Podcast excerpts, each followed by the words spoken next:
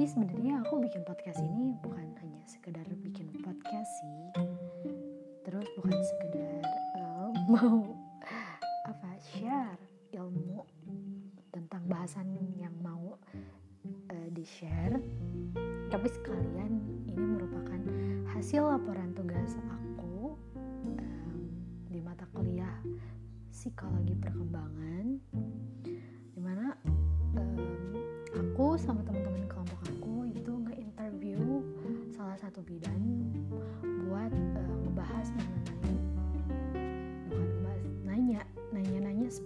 fase prenatal atau uh, masa perkembangan janin Ibu bidan ini namanya Ibu Gustina Mulyawati. Dia lulusan Dewi Sartika. By the way, she's so beautiful, she's so gorgeous, she's so smart.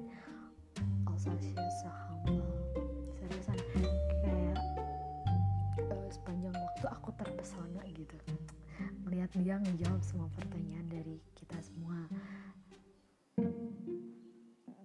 Without any further ado uh, kita langsung aja ke pembahasannya ya.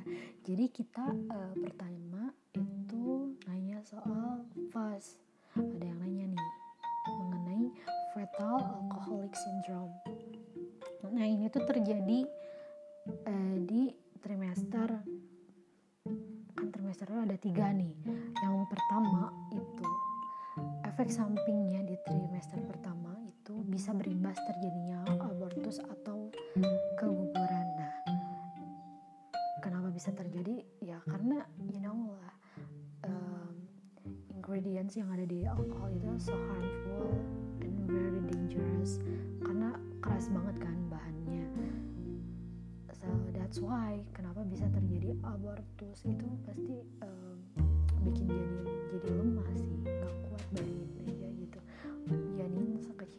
itu terus terkontaminasi oleh alkohol yang sangat amat jahat terus ya selanjutnya itu ada di trimester kedua. Itu efek sampingnya uh, ketidaksempurnaan pada tempurung otak si bayi atau adanya kecacatan. Dan di trimester ketiga itu memungkinkan si bayi lahir prematur atau lebih awal di bawah uh, 9 8 bulan dan sangat amat mempengaruhi berat badan si bayi. Selain itu juga ini tuh dapat mempengaruhi uh, pertumbuhan si bayi atau si janin jadi uh, terhambat gitu. Karena si janin tuh nggak kuat dan beresiko tinggi juga menyebabkan meninggalnya si janin di dalam rahim. Ya bayangin aja yang tadi aku bilang. Kayak alkohol yang segitu kerasnya dan janin yang masih kecil ya masih gumpalan darah lah istilahnya mah terkontaminasi gitu. Sama si alkohol yang aneh sih. Dan ini juga bisa menyebabkan si ibu mengalami infeksi so that's why ya buat uh,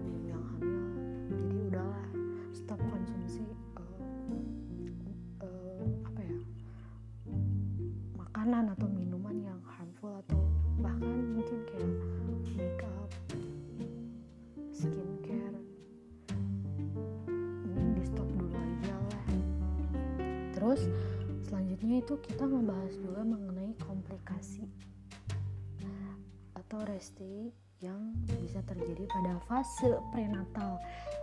Di antaranya itu ada CPD di mana kepala bayi saat uh, proses persalinan itu kepala bayi itu lebih besar.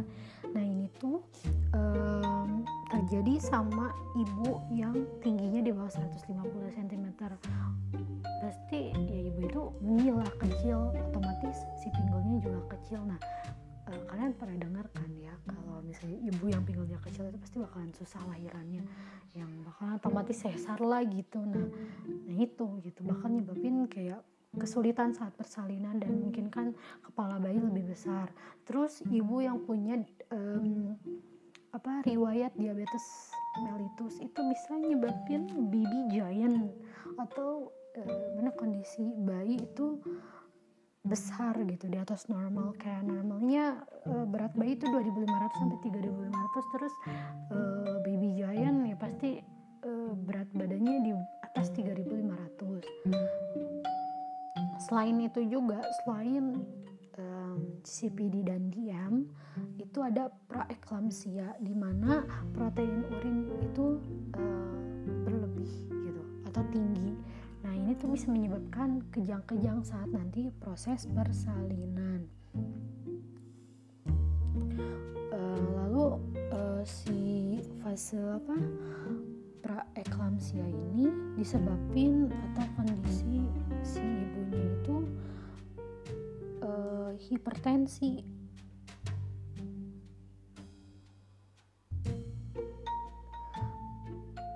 terus uh, ini tuh kayak um, apa tensiannya di atas atau lebih dari 140 per 90 mmHg terus kaki atau bahkan seluruh tubuhnya tuh bengkak. Um, biasanya ini terjadi sama ibu yang uh, lagi hamil bayi kembar atau hamil pertama nih terus ya tadi yang dibilang punya riwayat hipertensi. Terus biasanya dikarenakan hamil tua di atas 35 tahun terus ibu-ibu yang ngelakuin strict diet atau extreme diet gitu. Itu sangat uh, mempengaruhi efek uh, negatif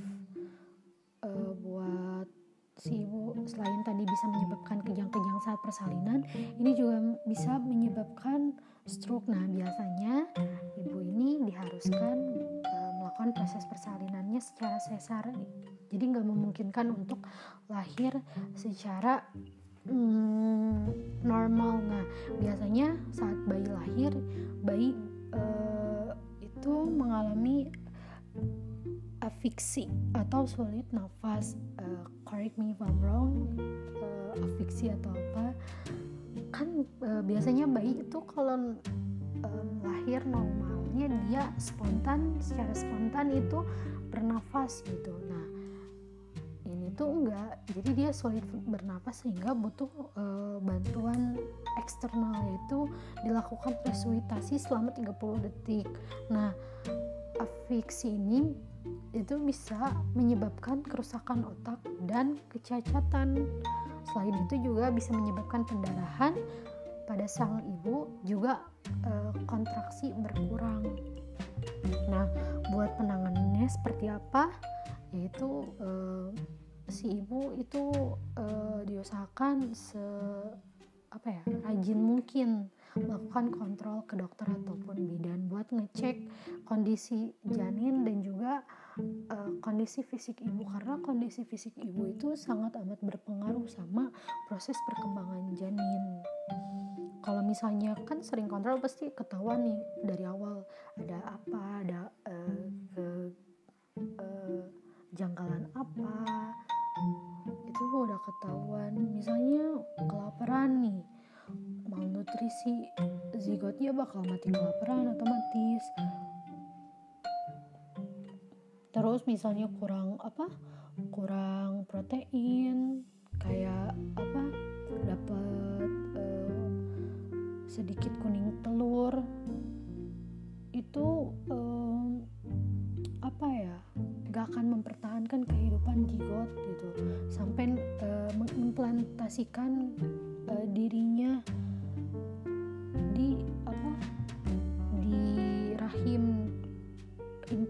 itu uh, perlengketan. Terus kurangnya persiapan uterin. Jadi perlengketan tidak dapat terjadi bila pada waktunya dinding uterin belum siap menerima zigot karena adanya ketidakseimbangan kelenjar. Lalu implantasi di tempat yang salah. Penempelan di tempat uh, perlengketan di tempat yang salah. Kayak misalnya perlengketannya di tubuh falopi bisa menyebabkan kehamilan ektopik atau kehamilan luar rahim di luar uh, kandungan. Gak di luar kandungan masih di dalam kandungan sih. Nah biasanya simptomnya itu kayak nyeri di bawah perut terus adanya pendarahan. Nah itu segera mungkin harus cepat dibawa ke dokter sih. Harus langsung ditanganin sama dokter. Terus um, kita juga bahas soal teratogenik faktor teratogenik yang sangat berpengaruh di fase prenatal. Nah uh, faktor teratogenik ini merupakan uh, faktor kecacatan. Nah itu disebabkan karena bahan-bahan kimia yang dikonsumsi oleh ibu saat hamil. Misalnya dari apa ya ya itu tadi um, semua bahan uh, eksternal kayak skincare sampo atau apa pun itu gitu. Makanan obat-obatan terus uh, kehamilan yang tidak diinginkan kayak MBA ya kehamilan uh, di luar pernikahan itu kan pasti uh, apa ya ya si ibu atau si cewek pasti berusaha buat ngegugurin si kandungannya kayak makan apa sih? Nanas nanas muda terus uh, konsumsi obat-obatan bahaya lah yang kandungannya berbahaya buat si janin itu bisa nyebabin kecacatan dan selain itu juga pasti kematian. Terus gimana sih penanganannya? Sebenarnya nggak ada sih penanganannya karena ini kan dikonsumsi ya ke dalam tubuh intake gitu internal. Otomatis pasti ini udah diserap sama plasenta dan darah terus dikonsumsi sama si bayi. Nah pencegahannya pasti dari sebelumnya. Kita harus lebih aware mengenai apa aja yang harus dikonsumsi apa aja yang nggak harus dikonsumsi apa aja yang harus dihindari apa aja yang harus dilakuin selama gitu selama kehamilan masa kehamilan itu. Apalagi kan fase prenatal ini uh, fase pembentukan lah ya dari uh, yang uh, sekecil apa biji kacang gitu kan. Otomatis kita harus ngejaga itu sebaik mungkin karena itu masih kayak gumpalan darah kan. Nah uh, kayak misalnya ibu bayi itu nggak boleh eh ibu bayi ibu yang hamil itu nggak boleh konsumsi makan makanan yang mentah. Atau segala sesuatu yang dikonsumsi itu pokoknya harus mateng deh. Gimana pun itu harus dipastikan mateng. Terus perhatikan kandungan obat. Nah itu tadi yang aku bilang kayak kita harus aware sama kandungan obat.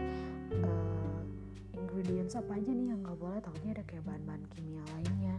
Terus kalaupun misalnya ini urgent harus dikonsumsi saat kehamilan itu pastinya di bawah pengawasan dokter atau sesuai anjuran dokter gitu. Udah itu kita juga ngebahas mengenai apa aja sih faktor yang mempengaruhi pembuahan gagal antara suami istri? Nah pertama itu dari sisi cewek bisa aja disebabin sama PCOS atau polycystic uh, ovary syndrome. Aku nggak tahu sih pronounce kayak gimana.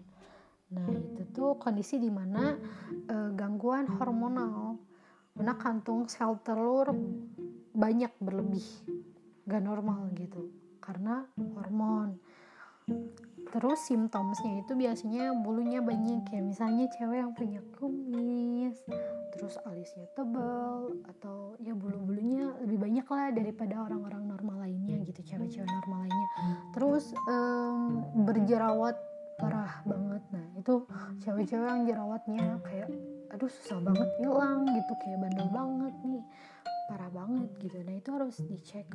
Bisa aja itu ada PCOS nah biasanya juga yang PCOS ini itu rambutnya gampang banget rontok. Nah selain kista atau eh selain PCOS itu ada kista sama miom hmm, kista itu kayak uh, gumpalan massa sedangkan miom itu gumpalan um, cairan. Nah ini tuh bisa nyebabin sulitan hamil terus juga biasanya uh, yang PMS yang ya yang ngalamin kista sama miom ini kalau mereka PMS itu nyerinya nyeri banget kayak abnormal nggak bisa uh, dikontrol lagi. Uh, tadi Teh Gustina juga sempat bilang kayak ini tuh sering terjadi gitu. Pasti salah satu ciri yang punya kista atau miom itu pasti kalau PMS mereka sakit banget gitu. Nah biasanya juga uh, mereka uh, PMS-nya darahnya juga banyak. Nah gimana sih cara tahu um, kita punya kista atau miom? Biasanya ntar kita cek ke dokter atau ke bidan ntar mereka um, apa palpasi abdomen. Ntar mereka ngeraba bagian abdomen sekitaran ya perut ke bawah. Itu ntar kerasa sama dokter itu ada masa kah atau apa. Nah kalau misalnya ada misalnya uh, kalau misalnya si kistanya masih di bawah 3 cm itu masih bisa mengecil dengan sendirinya dengan cara kita jaga pola hidup kita kayak makan sama kesehatan e, tubuh kita dengan baik gitu jaga kesehatan deh. Tapi kalau misalnya udah di atas 3 cm itu harus dilakukan operasi. Terus uh, setelah operasi pun harus ada kayak check up uh, sel uh, selanjutnya kayak oh ini udah bisa nih hamil. Oh ini kayaknya harus ada pengobatan lanjutnya baru bisa hamil kayak gitu. Terus um, selain dari sisi perempuan ada juga nih dari sisi laki-lakinya kayak cowok-cowok yang suka pakai celana ketat. Nah itu juga nggak baik karena bisa mempengaruhi si testis atau enggak secara uh, alamnya testis itu buah zakar. Nah itu tuh suhunya nggak boleh terlalu dingin dan juga nggak boleh terlalu panas. Nah suhunya itu harus tetap hangat gitu karena itu bisa mempengaruhi kesuburan si sperma terus si cowok nih si cowok misalnya sering ngerokok itu sangat berpengaruh banget sama si sperma. Entar eh, kayak kecepatan sperma uh, sama keutuhan sperma. Kan nanti um, apa ya uh, si sperma kalian tau lah bentuk sperma itu kan ada kepalanya terus ada badannya terus ada ekornya. Nah ntar ini misalnya cowok yang sering ngerokok ntar spermanya kayak nggak utuh kayak misalnya ekornya nggak ada atau nggak kepalanya nggak ada gitu. Terus kecepatan kecepatan sperma nih yang nyebabin salah satu kemandulan itu kecepatan uh, sperma si cowok gitu. Uh, kayak itu tuh nggak nggak hmm, gitulah. Gitulah ya pokoknya mah. Harusnya sampai ke tuba falopi ini nggak nyampe gitu. Terus ya sperma juga jadi lemah um, udah itu uh, buat penanganan PCOS sendiri itu kita harus uh, check up ke obgyn nanti uh, dokter bakal ngasih terapi hormonal di mana terapi itu bisa ngebantu sel telur uh, kantung sel telur itu jumlahnya kembali ke yang seharusnya yaitu 4 sampai 5 uh, sel telur atau ovum gitu. Terus kalau misalnya buat yang cowok itu tuh uh, ya kurangin pakai celana ketat terus uh, kurangin kayak terkena paparan panas yang berlebih kayak apa uh, cowok tuh suka duduk dekat tangki motor gitu yang motornya kayak CBR atau apa. Nah itu kurang-kurangin. Karena nggak baik buat si testis karena kan di dalamnya ada sperma. Terus uh, usahain makan makanan yang berprotein tinggi kayak misalnya toge atau alpukat kayak gitu. Terus biasanya nih kalau um, uh, dari dokter sendiri itu nanti dikasih obat penyubur sperma sebagai uh, jalan pengobatan nah selain itu uh, selain PCOS, kistamium, ada juga sumbatan tuba falopi yang menyebabkan pembuahan itu gagal. Jadi buat tahu uh, ada sumbatan tuba falopi itu biasanya nanti cek HSG. Nah nanti kayak kalian tuh disemprot sama cairan buat ngeliat uh, sumbatan yang ada di tuba falopi kayak lengketnya uh, kadar lengketnya itu segimana gitu. Kalau misalnya udah lengket banget sih itu nggak memungkinkan ya kalau tadi kata Tegus Tiara Mulia Wati. Nah udah itu selain itu kita juga bahas mengenai faktor ayah yang sangat berpengaruh pada kesehatan mental. Uh, mental kesehatan mental pokoknya genetik lah pada sang bayi. Kayak misalnya um, Down syndrome. Kenapa bisa terjadi Down syndrome? Karena kromosom itu hanya ada hanya ada di laki-laki hanya ada di si ayah. Jadi kromosom itu nggak ada di cewek ya. Nah kayak kan kromosom itu kayak misalnya pembentuk uh, kelamin ya. Misalnya cowok XX dan XY kayak gitu uh, itu tuh mempengaruhi genetik si bayi nantinya. Nah cewek itu sebenarnya cuma nampung doang. Jadi sperma masuk ovum ya jadi ditampung sama ovum doang terus nanti dikembangin gitu sama si ibu. Kayak gitu.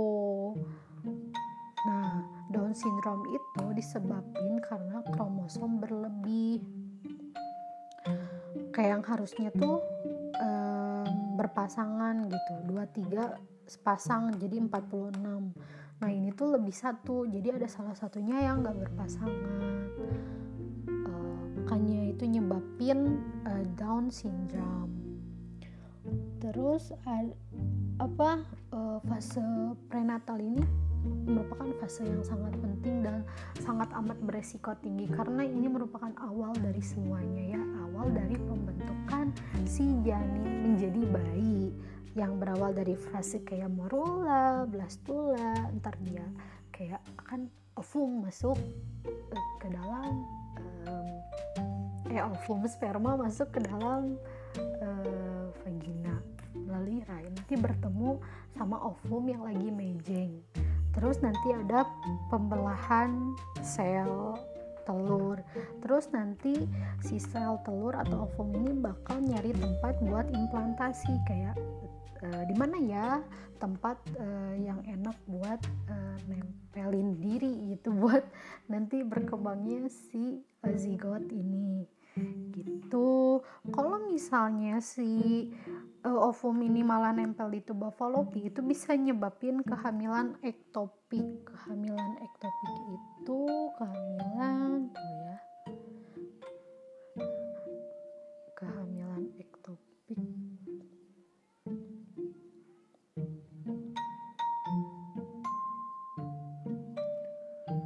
Nah kehamilan ektopik itu ya kehamilan di mana ketika telur yang dibuahi diimplan di luar uterus. Nah kalau misalnya si ovum ini di luar ya tempat yang seharusnya otomatis ya pasti nggak akan bertahan lama. Um, terus uh, pasti si janin juga lemah sih kalau misalnya dibiarin kondisi ini tuh bisa merusak organ terdekat dan menyebabkan kehilangan darah atau mengancam jiwa. Jadi bisa menyebabkan uh, pendarahan. Mungkin mengancam jiwa itu karena nyeri yang berlebih mungkin ya terus jadi stress depres kayak gitu. Oh iya terus uh, kita juga sempat nanya nanya-nanya um, sebenarnya di luar dari pembahasan fase prenatal cuman ini buat aku important gitu. Penting banget. Uh, dan merupakan sebuah pembelajaran. Jadi aku nanya soal keputihan. Jadi kayak um,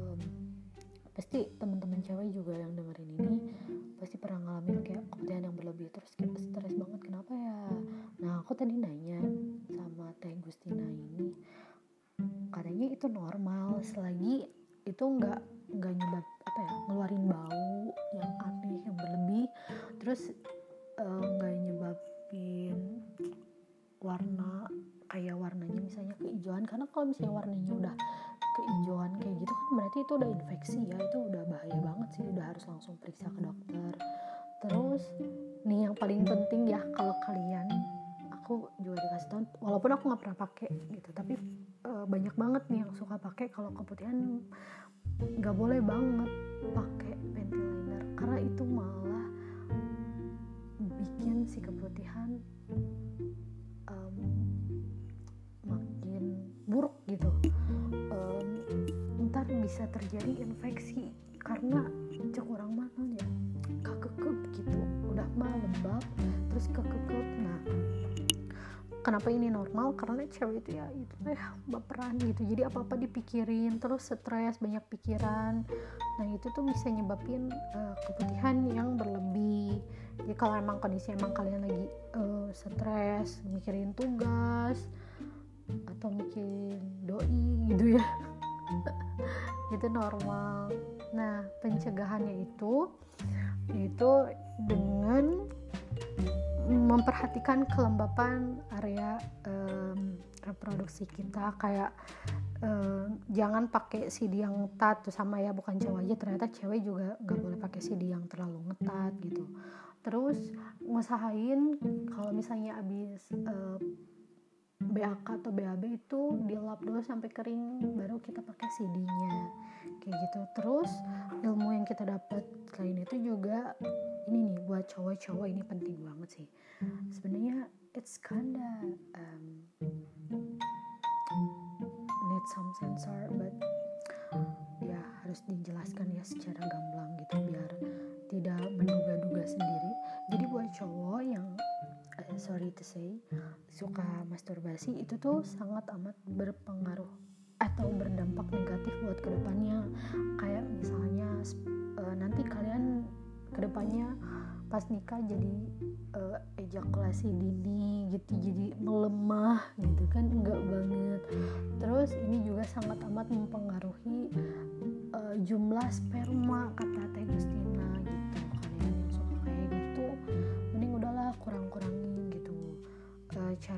positif gitu pengalihan ngedistract sama misalnya olahraga main futsal main basket atau main kayak sama temen-temen gitulah. Daripada kayak gitu ya nggak jelas ini ke mana gitu ya gaskeun weh. Dari mikir daripada mikirin yang enggak gitu guys. Jadi yaudah kayaknya aku sudah terlalu banyak banget berbicara dan kalian juga pasti yang ngedengarnya kayak udah bosen. Jadi itu aja yang bisa aku sampaikan dan semoga bermanfaat buat teman-teman semua yang ngedengar. Semoga ilmunya bisa diterapkan di kehidupan sehari-hari atau keluarganya yang lagi uh, proses kehamilan gitu kasih tahu uh, kalau kalau fase prenatal misalnya awal-awal perkembangan janin pembentukan janin aware harus lebih aware sama ini gitu kayak gitu kasih tahu gitu. Karena ya berbagi ilmu itu apa ya ibadah guys gitu. Jangan pelit ilmu lah. Tuh kita ntar juga dapat pahala gitu. Terus uh, maksudnya ketika kita berbagi ilmu uh, kita tuh kayak punya kepuasan tersendiri juga kayak ngerasa kayak oke okay, aku bermanfaat buat orang-orang di sekitar aku. Kayak gitu. So yeah thank you for uh, coming. Thank you for listening for listening to this podcast selama hampir setengah jam gitu. So see you in the next podcast in the next episode. Bye bye thank you